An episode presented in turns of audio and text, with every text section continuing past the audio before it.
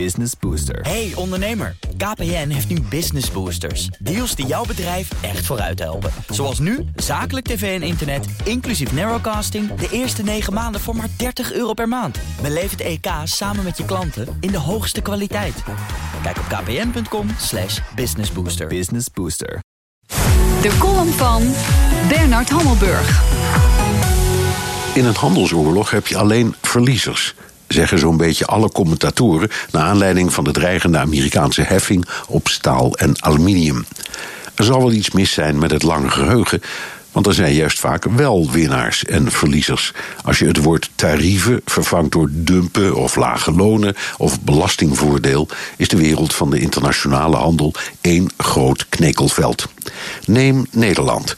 In de jaren 60 ging onze textielindustrie ten onder aan lage lonen in Italië, Oost-Europa en Azië. Twintig jaar later gaven Japan en Zuid-Korea, met wat bij ons dumpprijzen werd genoemd, de Nederlandse grote scheepsbouw een doodklap. De laatste megawerf, RSV, was lange tijd vergeefs met kolossale subsidies overeind gehouden, maar het was weggegooid geld. Geen mammoetanker die nog op een Nederlandse werf wordt gebouwd. En is het bieden van superlage belastingen aan buitenlandse bedrijven, zoals Nederland doet, niet ook gewoon een vorm van handelsoorlog? De kans dat deze nieuwe handelsoorlog er echt komt, is klein. Trump maakt zijn kiezers in staalstaten als Pennsylvania ongetwijfeld blij met de belofte 25% invoerrechten te gaan heffen op import. Maar de dreigende represailles van de Europese Unie jagen het congres de stuipen op het lijf. De extra tarieven van 25% op Amerikaanse producten zijn slim gekozen. Onder andere whisky uit Kentucky, de thuisstaat van Mitch McConnell, de republikeinse leider in de Senaat. Harley-Davidson motoren uit Michigan, de thuisstaat van partijleider Paul Ryan in het Huis van Afgevaardigden. Katoen uit de zuidelijke staten, mais uit het Middenwesten. Dat kan de partij zich in dit verkiezingsjaar niet veroorloven. De president zegt heel stoer dat hij zich daar niks van aantrekt. Maar als de Republikeinen nee roepen, vist hij achter het net.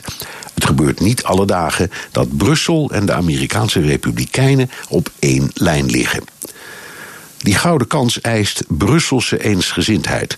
Natuurlijk mag ieder land of bedrijf zeggen wat het wil, maar dat Tata in IJmuiden bij de Amerikaanse ambassadeur bedelt om een uitzondering voor staal uit Nederland is in een tijd waarin de solidariteit binnen de EU voortdurend ter discussie staat, niet alleen onelegant, maar ook onhandig. Het laatste wat we willen is dat Trump de EU-landen tegen elkaar uitspeelt.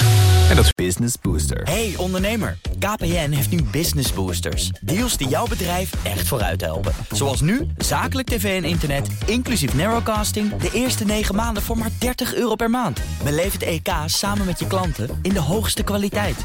Kijk op kpn.com slash businessbooster. Business Booster.